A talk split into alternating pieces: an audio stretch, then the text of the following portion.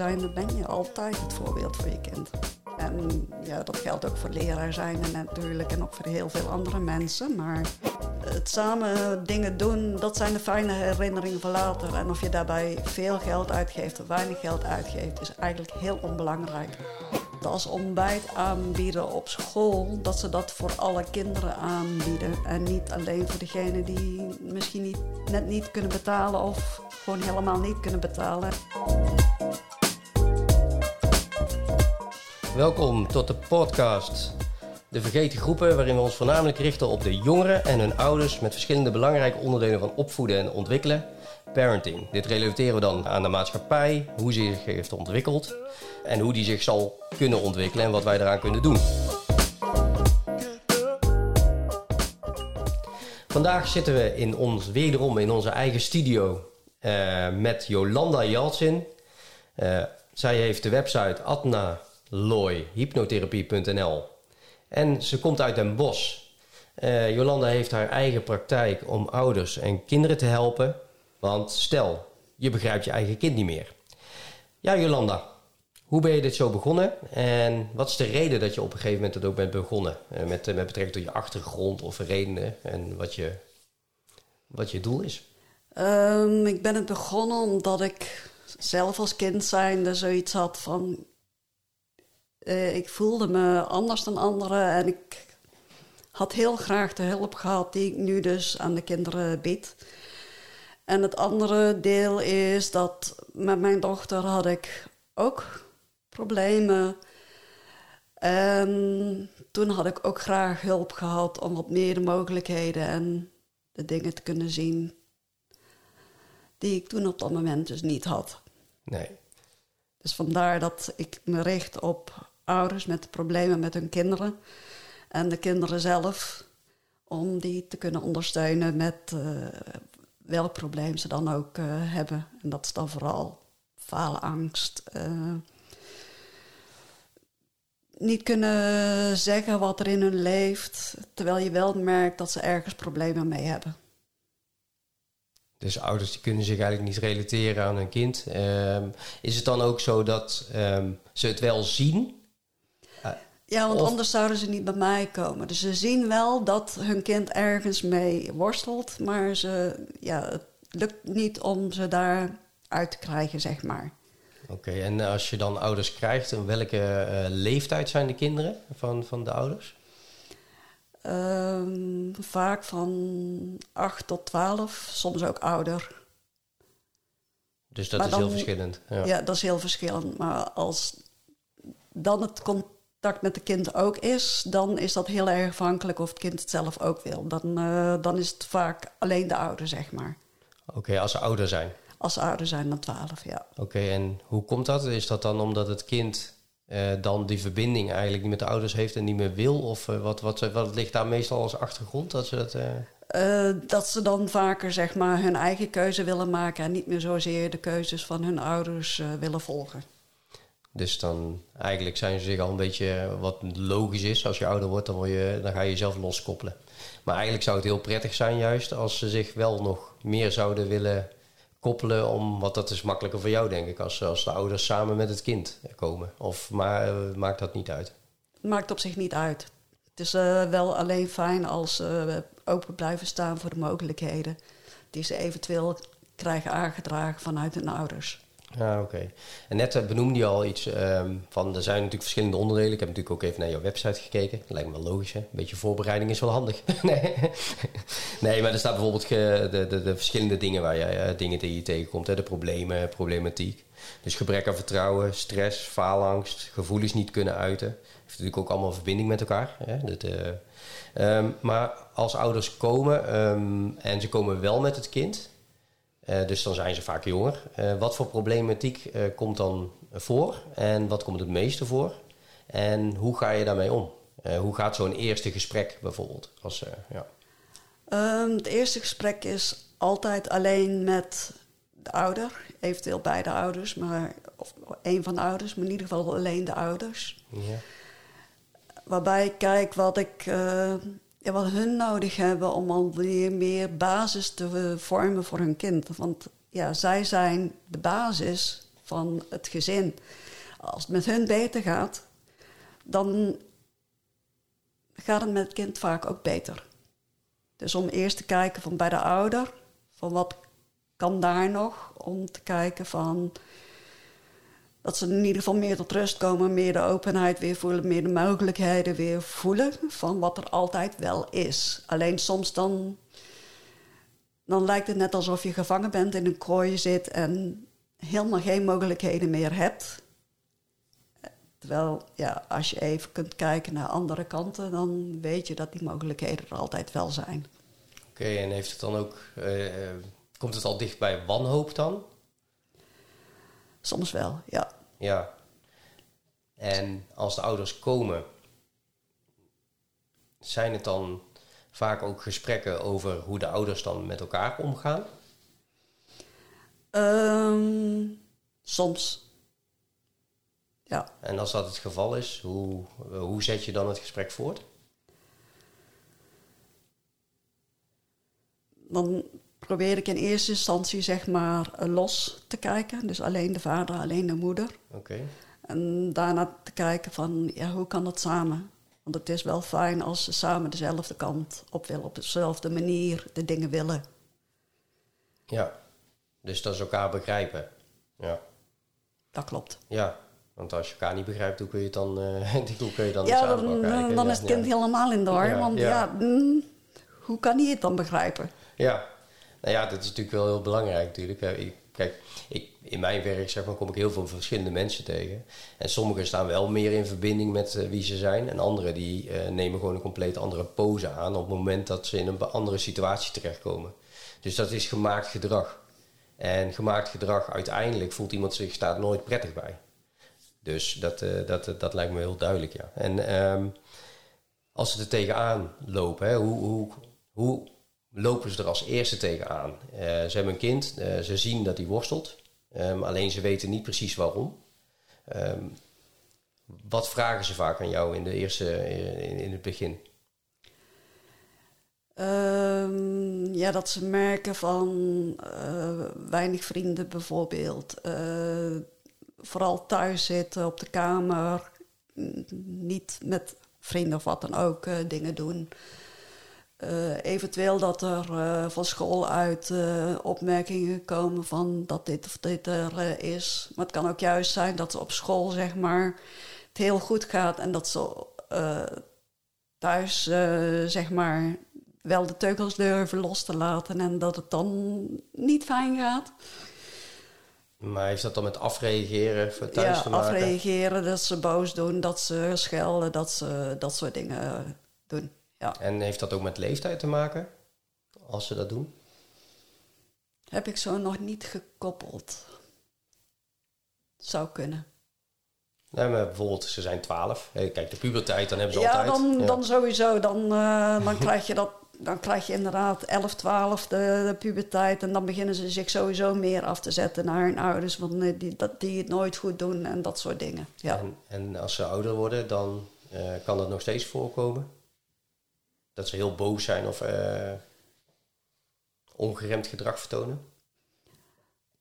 Dat kan, ja. En soms misschien ook wel terecht, hè? Dus, uh, ja, ja, dat klopt. Er zijn altijd, tenminste, zoals ik er naar kijk, um, als iemand iets vindt en iets voelt, dan neem ik dat serieus. Dan kan ik misschien wel een andere mening hebben. Alleen als iemand iets vindt of iets voelt, dan ga ik kijken van oké, wat kan ik eraan doen? Ja, om dat te proberen te veranderen. Uh, ook al sommige dingen zijn ook heel moeilijk, uh, maar dat is dan, heeft dan meer met mijn karakter te maken, zeg maar, waarin je denkt van oké, uh, daar ben ik het wel mee eens. Alleen dan is het vaak ook de manier waarop je dingen uit en wat je aan kan passen. dat vind ik wel, ja, dat is wel heel belangrijk. Um, hoe lang spelen de, kinderen, de problemen echt vaak bij de kinderen? Um, dat is ook variabel, maar vaak al langer. Want meestal hebben ze al allerlei dingen geprobeerd voordat ze bij mij uh, terechtkomen. En wat voor dingen? Uh, via school over het algemeen. Um, kan zo niet dingen noemen, maar gewoon. En wat voor dingen bij school? Wat, wat, doet, wat doet school in het begin bij, uh, bij zulke situaties? En wat vind jij er zelf van eigenlijk wat ze doen? Eh, wat school doet in het begin is eh, ja, kijken wat ze met gesprekken kunnen doen. En uh, kind zeg maar apart houden. Allerlei, zoveel ondersteuning vind ik dat tegenwoordig niet zo. je hebt natuurlijk bijvoorbeeld creatieve therapie en dat soort mogelijkheden. En volgens mij werkt dat heel erg goed. Die, dat is een van de dingen die ik niet zelden hoor uh, dat gedaan is. Dus, uh, Hoe bedoel je, dat, dat wordt er weinig gedaan? Ja, volgens mij wel. En wat, maar dat is meer vanuit de school? Of wordt dan, uh, zit er dan aan de school gelieerd zit een coach of een... aan de school gelieerd is vaak een coach.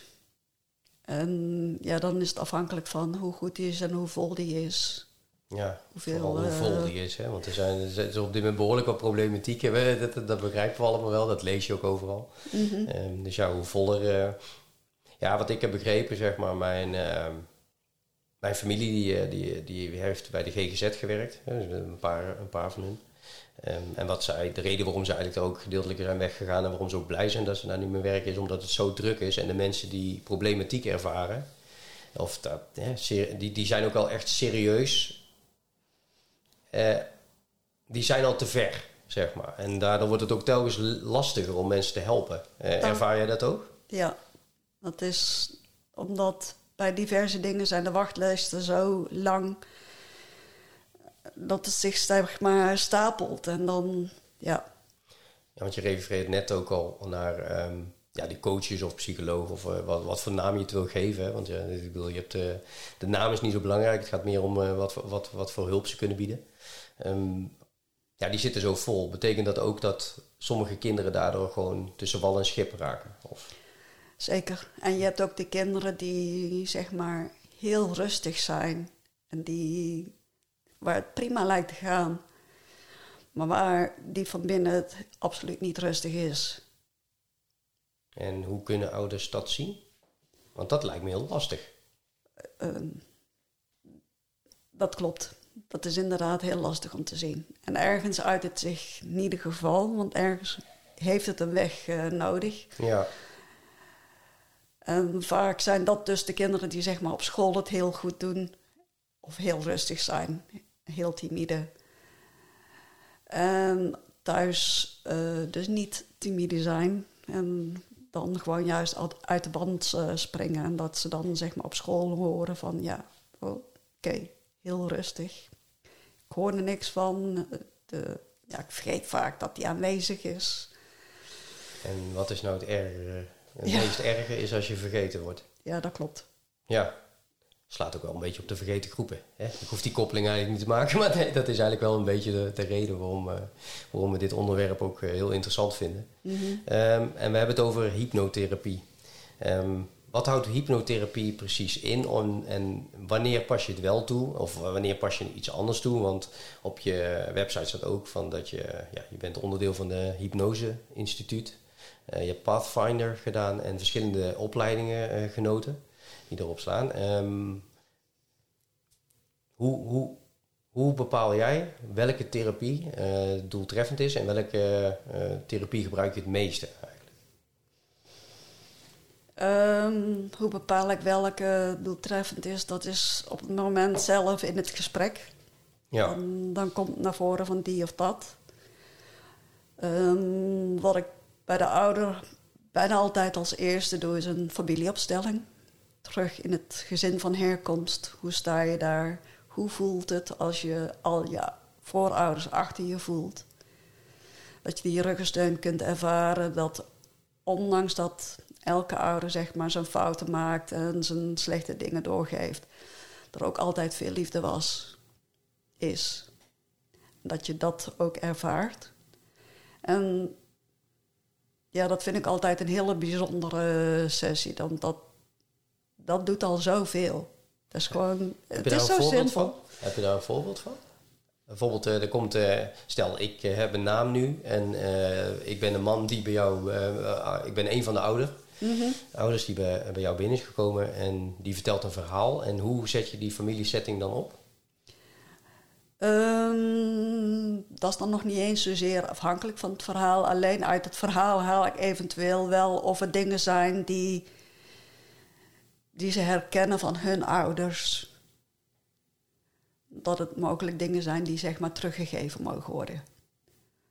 Dus ik begin met de opstelling, zeg maar, zoals je naast je broers, zussen staat, met je ouders achter je, hun ouders daarachter. En zo doorgaan tot het, zeg maar, het begin. Mhm. Doet de oogbron, dat je de liefde voelt die vanaf de oogbron, zeg maar, helemaal doorkomt tot jou. En die van jou door kan naar jouw kinderen. En dan, voel je, dan zie je al een hele verandering als ze merken dat hoeveel dat achter hun doet. Dat ze, ja, dat ze die steun hebben achter hun. Ook al was het contact met de ouders nooit zo geweldig. Zelfs dan nog. Dus dat is eigenlijk de basis, dat je eigenlijk moet vertrouwen eh, op jouw ouders. Op bepaalde punten, dat je daar eh, je prettig bij voelt, voordat je eigenlijk weer die liefde door kan geven. Is dat een goede vertaling? Of Uh, dat, meer eh, dat je je bewust bent van dat er met alle fouten ook heel veel liefde is gekomen van je ouders. En hoe meer je de liefde van je ouders kunt ontvangen, hoe meer liefde je ook door kunt geven naar jouw kinderen. wel mooi. Ja. Dan afhankelijk van wat ik ben tegengekomen in het gesprek, of er dingen zijn inderdaad die van ouders afkomen, dat dat misschien teruggegeven mag worden. Dat ik dat er achteraan doe.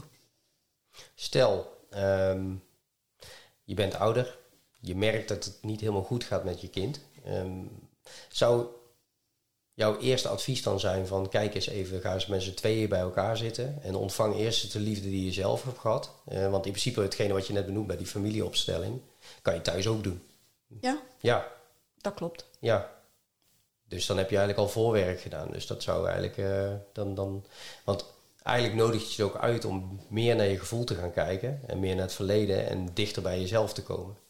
Dat klopt. Dat is inderdaad zo. Want, eh, want ik benoem nu echt iets heel belangrijks: dichter bij jezelf komen. Ehm, wat merk je eh, bij ouders? Staan ze dicht bij, bij zichzelf? Of merk je juist heel veel afstand als de eerste keer als ze bij, je, bij, je, bij jou binnenkomen? Eh, dat is variabel, maar vaak is het inderdaad wel afstand. Dus dat, eh, dat ze eerst zeg maar dichter bij zichzelf mogen komen voordat ze het kind ook kunnen, eh, ja, dat ook aan het kind kunnen leren, zeg maar, Ja. kunnen laten zien, kunnen voordoen. op het moment dat een van de ouders zich openstelt naar zichzelf, ehm, zie je dan ook soms verbazing bij de partner? Ja. De stap wat de ene doet, dat heeft ook invloed, zeg maar, ook op de partner. Niet alleen op het kind, maar ook gewoon op heel die omgeving. Dat is wel interessant, hè? Ja, dat klopt. Ja, nee, ik kijk, ik kijk ook naar mezelf. Kijk, er was een periode, iedereen kent bepaalde periodes in hun leven waarin, eh, waarin eh, dingen in je relatie of in andere eh, ja, relaties met je kinderen, relaties met je partner, relaties met je ouders niet helemaal soepel loopt. Ehm, wat ik vooral interessant vind dan daarin is dat je soms denkt bij jezelf dat je duidelijk hebt gecommuniceerd. Dat je denkt bij jezelf van, ja, maar ik heb het toch gezegd. Ja, maar ik heb toch gezegd wat ik voel. Maar eigenlijk dat het niet over is gekomen bij de ander. En wat ik daar het, eh, het meeste van heb geleerd is dat vraag door. Probeer nog duidelijker voor jezelf te krijgen. Heb ik wel alles gezegd, maar ook eh, in communicatie met de ander. En dat laatste, zeg maar, dat is wel, dat, het, dat merk ik dat het vaak ontbreekt.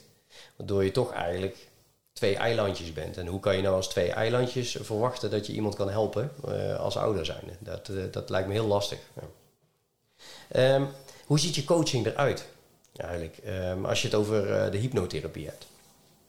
Een korte omschrijving van, van wat je doet. En, hoe, of hoe, hoe zit iemand, ligt iemand, ja, et cetera. Ja. Ehm, ook dat is variabel. Meestal is het eh, zeg maar via Zoom en dat de ander dus gewoon zit. Oké. Maar eh, soms is het ook al wandelend. Maar via Zoom, dus het kan ook op afstand. Ja, zeker. Nou, dat is wel. eh, Nee, maar ook voor. Kijk, als je het hebt over kinderen. Mm, Dan kinderen zitten vaak op school. Hoe, hoe, hoe kan dat dan? Of is dat niet verstandig? Of heb je dan toch liever die connectie rechtstreeks? Dan heb ik liever de connectie rechtstreeks. Oké. Ja.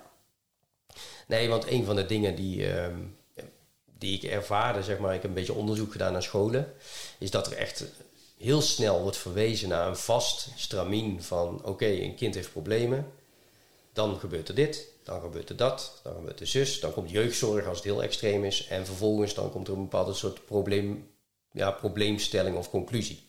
En waardoor ik wel een beetje schrok van hoe strak alles geregeld moet zijn volgens de regelgeving.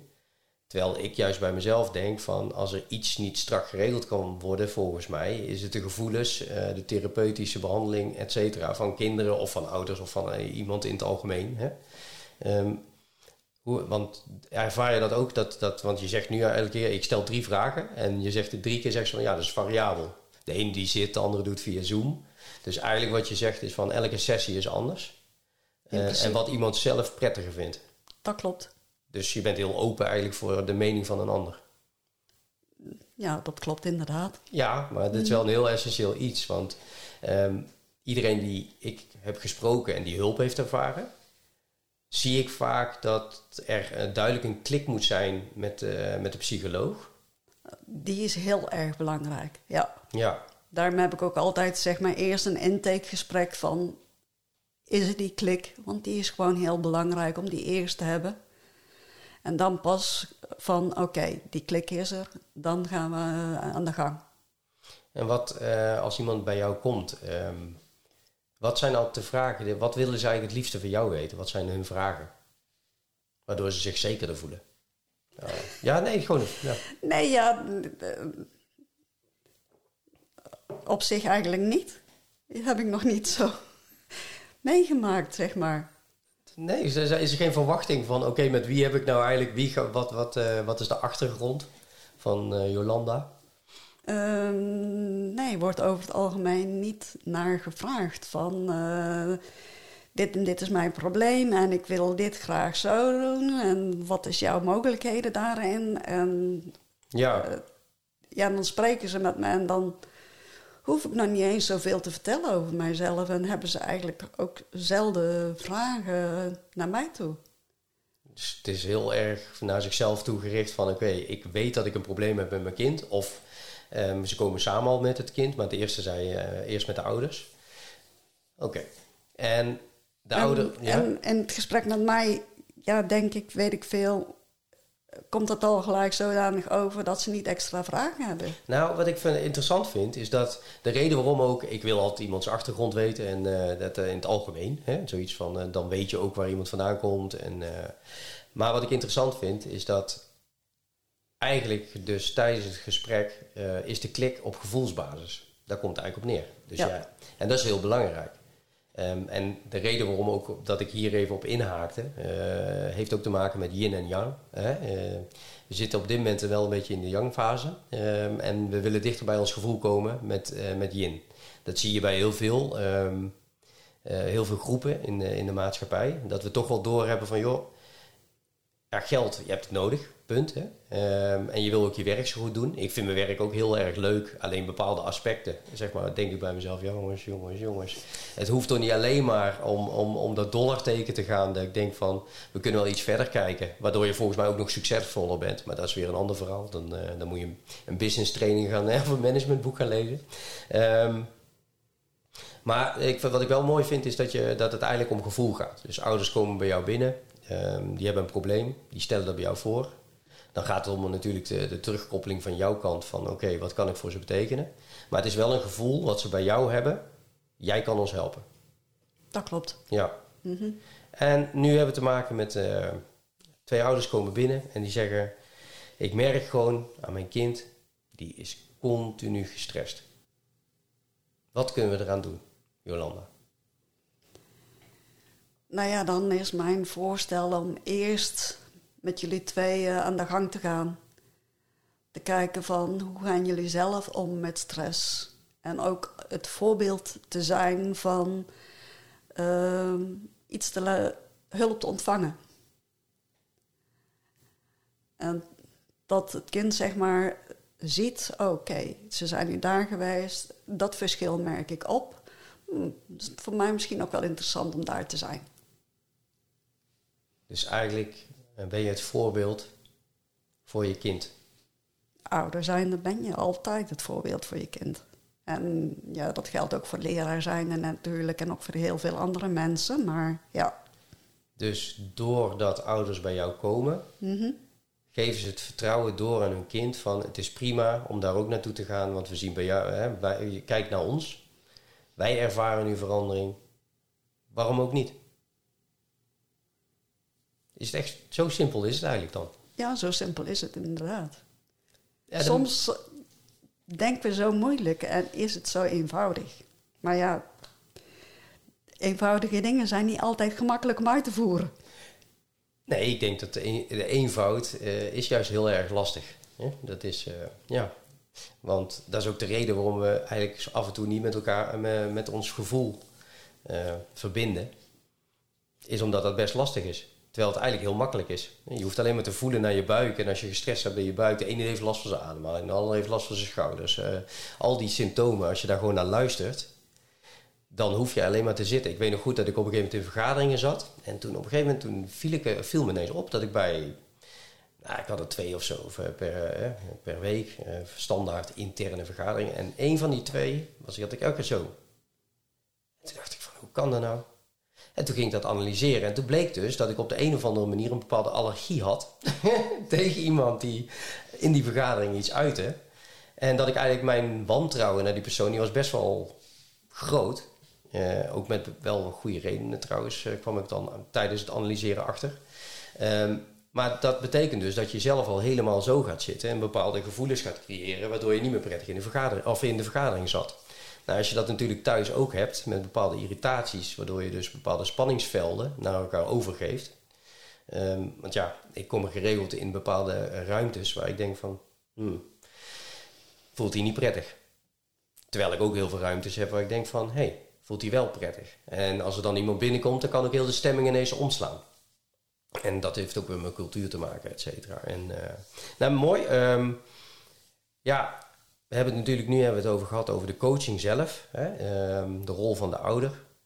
eh, wat je allemaal eh, kan doen. Is er ook bepaald voorwerk wat ouders al kunnen doen? Of wat huiswerk wat ze meekrijgen eh, van jou? Of... Ehm, huiswerk wat ze meekrijgen is bijvoorbeeld ja, de oefeningen die ik later ook aan de kinderen geef. Dat ehm, aan het einde van de dag opschrijven waarop je trots bent. En aan het einde van de dag opschrijven waarvoor je dankbaar bent. En niet alleen een lijstje maken, maar ook echt voelen. Hier ben ik trots op. En ook echt voelen. Hier ben ik dankbaar voor. Dat, ja, dat niet gewoon, ja, want die lijstjes kun je gemakkelijk zat maken. Er zijn heel veel dingen waarvoor je dankbaar kunt zijn, waarvoor je trots op kunt zijn. Maar als het bij alleen een lijstje blijft. En dat vind ik voor een kind heel belangrijk om te doen. En dat laat ik de ouders zeg maar eerst doen om te ervaren van hoe het is. En ook weer ja, dat ze het kunnen zeg maar voordoen. En hoe leer je voelen als je niet kan voelen? Komt dat wel eens voor? Ehm, hoe leer je voelen? Ja, in principe kun je gewoon zeg maar mindful beginnen. Dat als je met je aandacht gaat naar je voeten, hoe zijn die nu? Hoe, als je met je aandacht gaat naar je buik, hoe is die nu? Heb je honger? Heb je wat? Je kunt heel basic beginnen met eh, voelen. En dat zijn de dingen waar bijna iedereen toch wel bij kan. Het is eigenlijk ook een beetje meditatief. Dat klopt. Ja. Gewoon. Ik heb bijvoorbeeld mezelf aangeleerd als ik eh, ga slapen. Dan ga ik altijd heel mijn lichaam ga ik langs om alle onderdelen te ontspannen. Omdat ja, je hebt gewoon van. Je merkt gewoon dat je heel de dag bezig bent geweest. Dat iedereen heeft eh, wat ik net benoemde in de schouder. Eh, de andere die heeft bijvoorbeeld een gespannen arm of ik zeg maar wat. En dan merk je gewoon dat je, dat je op dat moment heel je lichaam ontspant. Doe ik, eh, dat, ja, het is 30 seconden denk ik maximaal dat je doet. Maar het werkt bij mij altijd heel goed. Om in ieder geval de rust te pakken voordat ik ga, slapen. Ehm, ehm, ja, hoe zie je eh, de afgelopen drie jaar eigenlijk, uh, als ik kijk naar de kinderen? En wat de situatie in de maatschappij en hoe zie jij dat?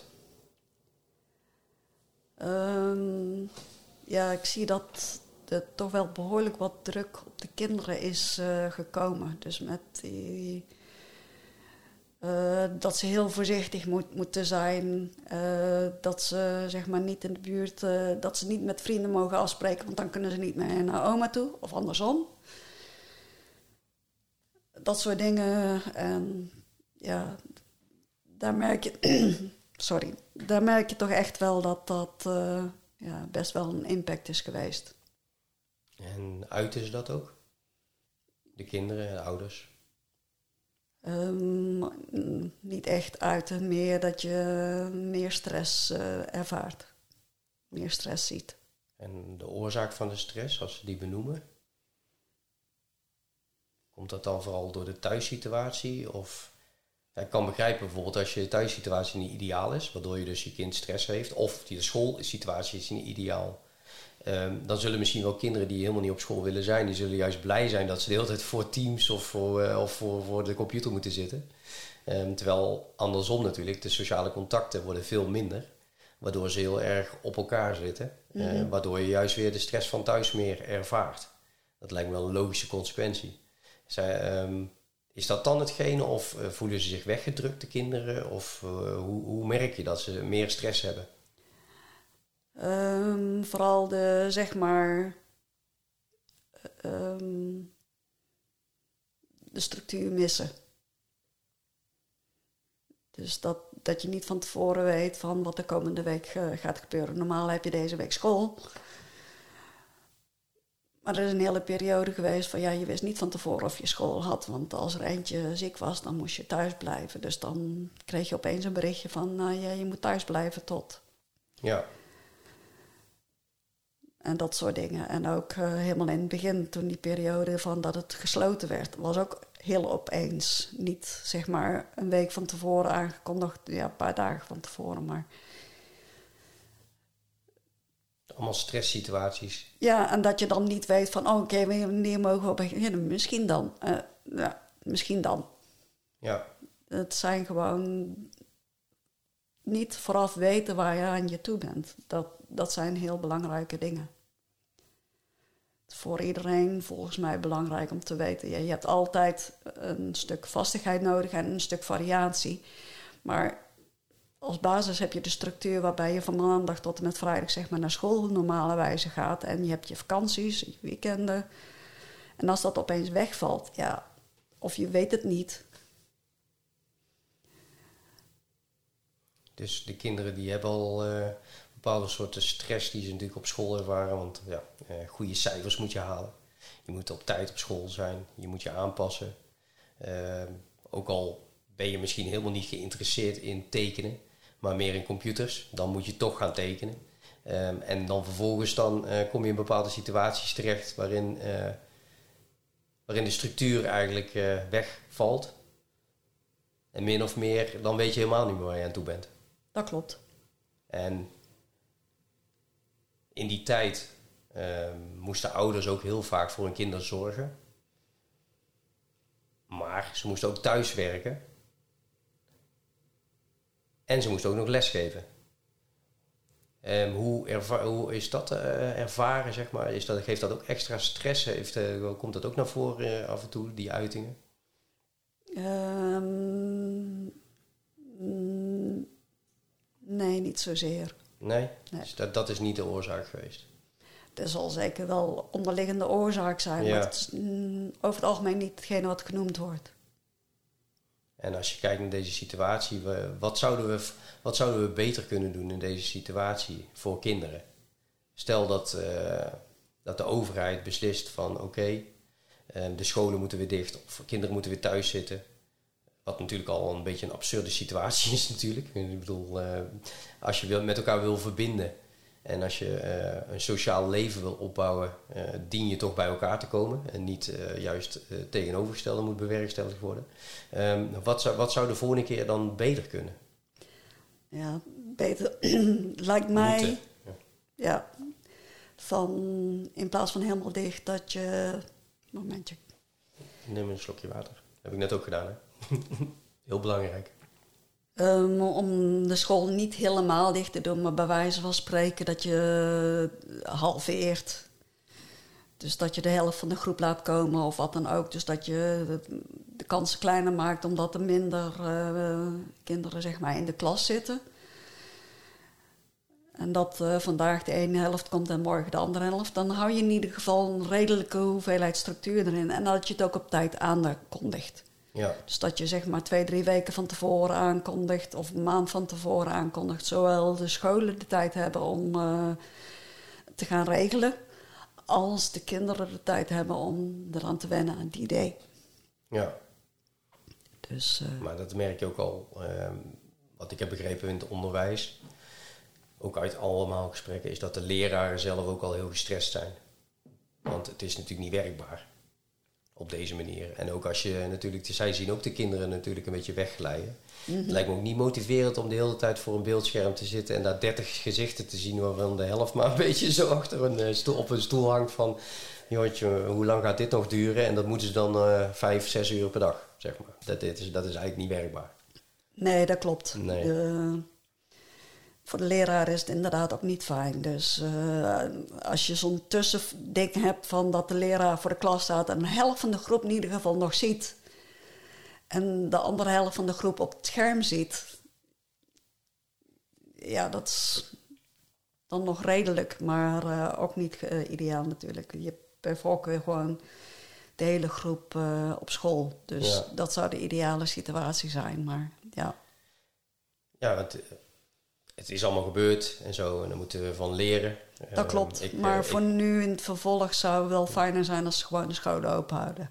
Uh, absoluut, ja. In de, altijd. Hè? Ik bedoel, en zeker uh, de kinderen dus schuld maken van iets lijkt me niet de beste keuze. Nee. Um, en als je kijkt nu uh, naar de toekomst, hè, de ontwikkelingen, want ja, op dit moment zie je duidelijk een toename. Tenminste, ik lees het in de cijfers en, en op het internet. Uh, op verschillende kanalen. Dus uh, je hebt tegenwoordig zoveel kanalen. Hè. Waarvan er, je hebt mainstream media tegenwoordig en je hebt dan weer de alterna alternatieve media. zo iedereen die benoemt het ook van, nou wij zitten aan die kant of wij zitten aan die kant. mij maakt die kant helemaal niets uit, om eerlijk te zijn. Ik wil gewoon duidelijk gewoon van oké, jij staat links, jij staat rechts. Laten we weer in het midden komen en kijken hoe we onze samenleving wel gewoon goed leefbaar maken. Uh, maar als je kijkt naar de toekomstige ontwikkelingen voor kinderen, want ze hebben behoorlijk wat stress ervaren. En de aantal patiënten en problematiek, uh, wat ik tenminste heb gelezen, is echt enorm gestegen.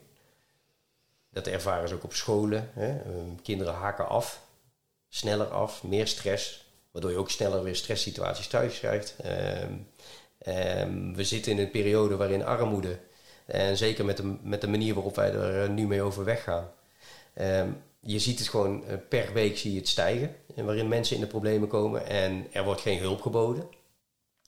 Dan nog meer stress. Hoe zie je dan de toekomst en ontwikkelingen? Hoe zou je, uh, hoe zou je eraan bij kunnen dragen om het wel gewoon bij elkaar te blijven? En hoe zou je wel elkaar kunnen blijven helpen op, op verschillende manieren? Maar vooral voor de kinderen. Het gaat om de kinderen en de ouders. Het zou ideaal zijn als de scholen zeg maar, meer ondersteuning zouden kunnen bieden. Dus meer coaching hebben om daar uh, te kunnen begeleiden, de kinderen die uh, hulp nodig hebben. En eventueel ook voor de ouders die hulp nodig hebben. Um, en als ze dingen doen, dat ze dat dan voor allemaal doen. Bijvoorbeeld als ontbijt aanbieden op school, dat ze dat voor alle kinderen aanbieden. En niet alleen voor degenen die misschien niet net niet kunnen betalen of gewoon helemaal niet kunnen betalen. En diegenen die het net niet, net wel kunnen betalen, bijvoorbeeld er wel de buiten vallen. En de rest zoiets heeft van, uh, oh, jullie zijn zo arm. Je krijgt eigenlijk twee beelden eigenlijk. Wat je ja, dus ja. geef dan alle kinderen in, het, in de klas uh, ontbijt en zie het als een gezamenlijk moment om de dag te starten. Gewoon als een extra Het is wel een interessant voorbeeld. Nog niet gehoord, dit.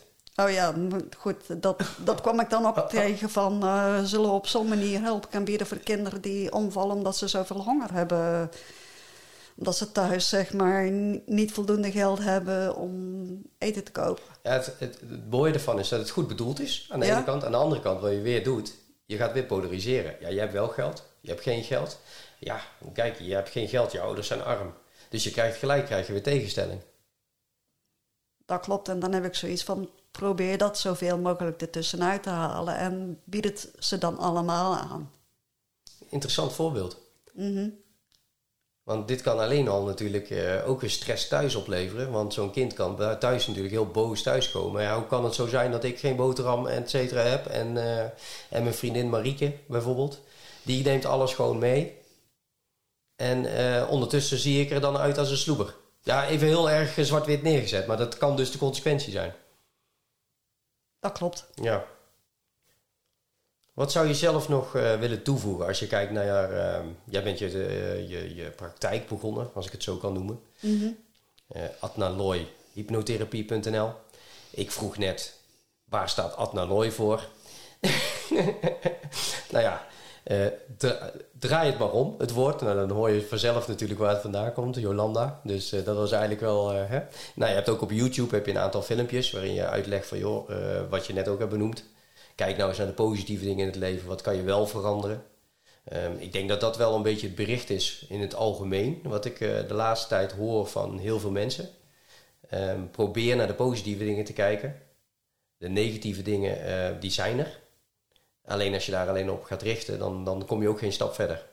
Dat klopt. En je kunt wel je voorstellen dat die negatieve dingen, zeg maar als een bal is, dat je die probeert onder te duwen en niet te zien.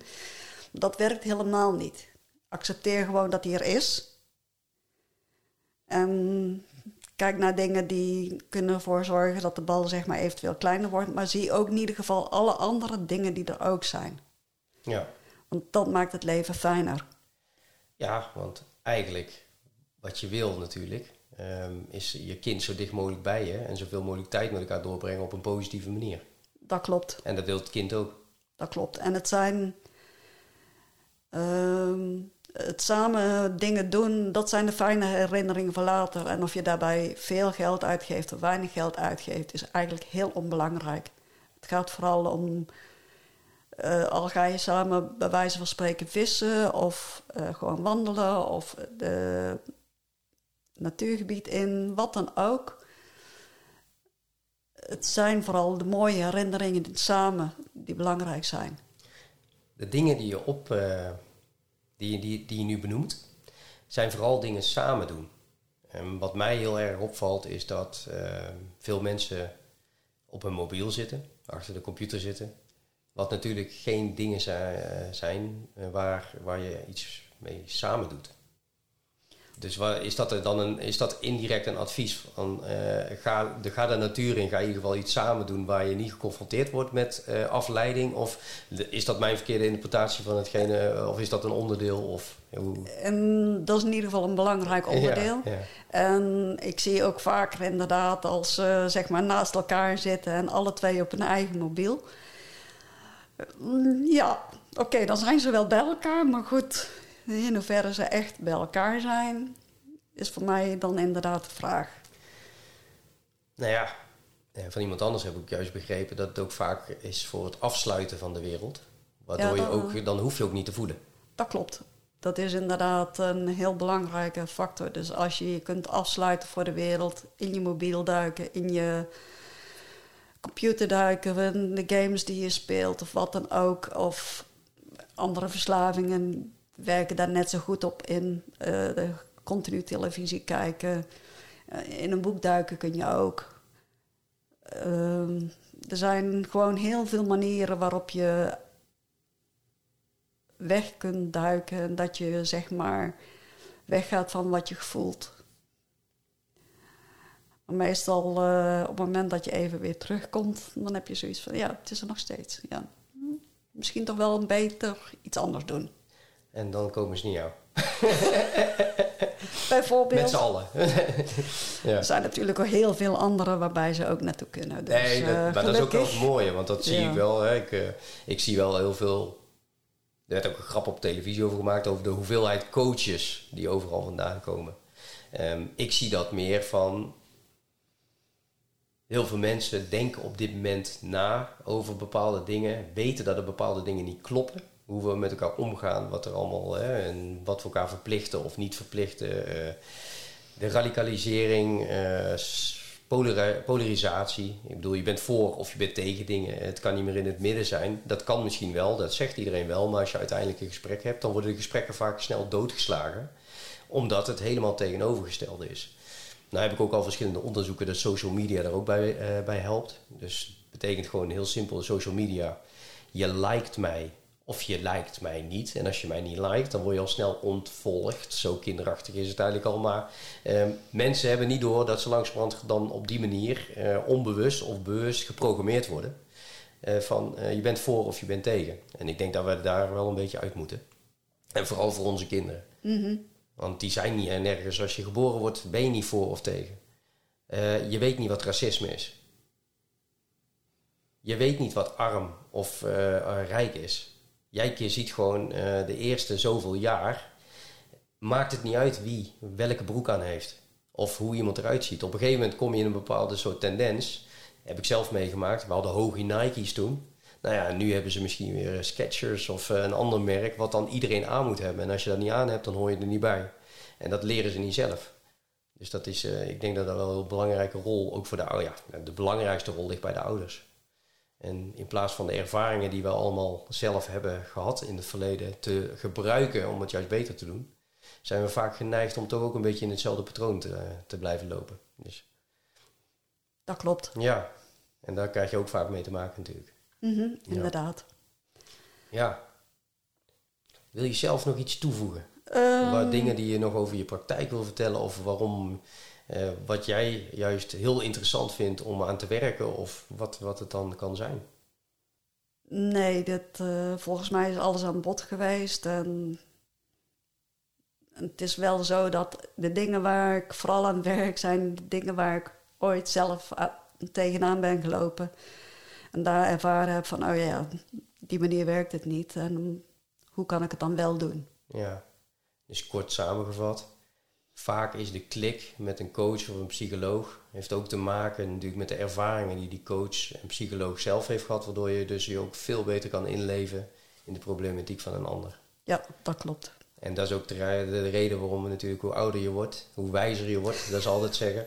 Ik wil niet zeggen dat het altijd waar is, maar in ieder geval, als je er iets mee doet natuurlijk met je ervaringen, dan, dan, dan kun je er eigenlijk heel veel mee bewerkstelligen. Nou, ik vind eigenlijk wel een mooie afsluiting. Ik wil je bedanken. Ik wil nog één keer even zeggen, adnalooihypnotherapie.nl. Dus als je in de regio van Den Bosch en we rechtstreeks wil connecten, maar ik hoor net dat je ook al via Zoom kun je het ook doen. Uh, wat natuurlijk, uh, ja, dat is automatisch er nu een beetje ingegroeid. Hè? Dat, je, dat je via alle soorten media, via je computer kun je met elkaar communiceren. Wat ook heel veel voordelen heeft. Uh, alleen het slaat hem misschien een beetje door.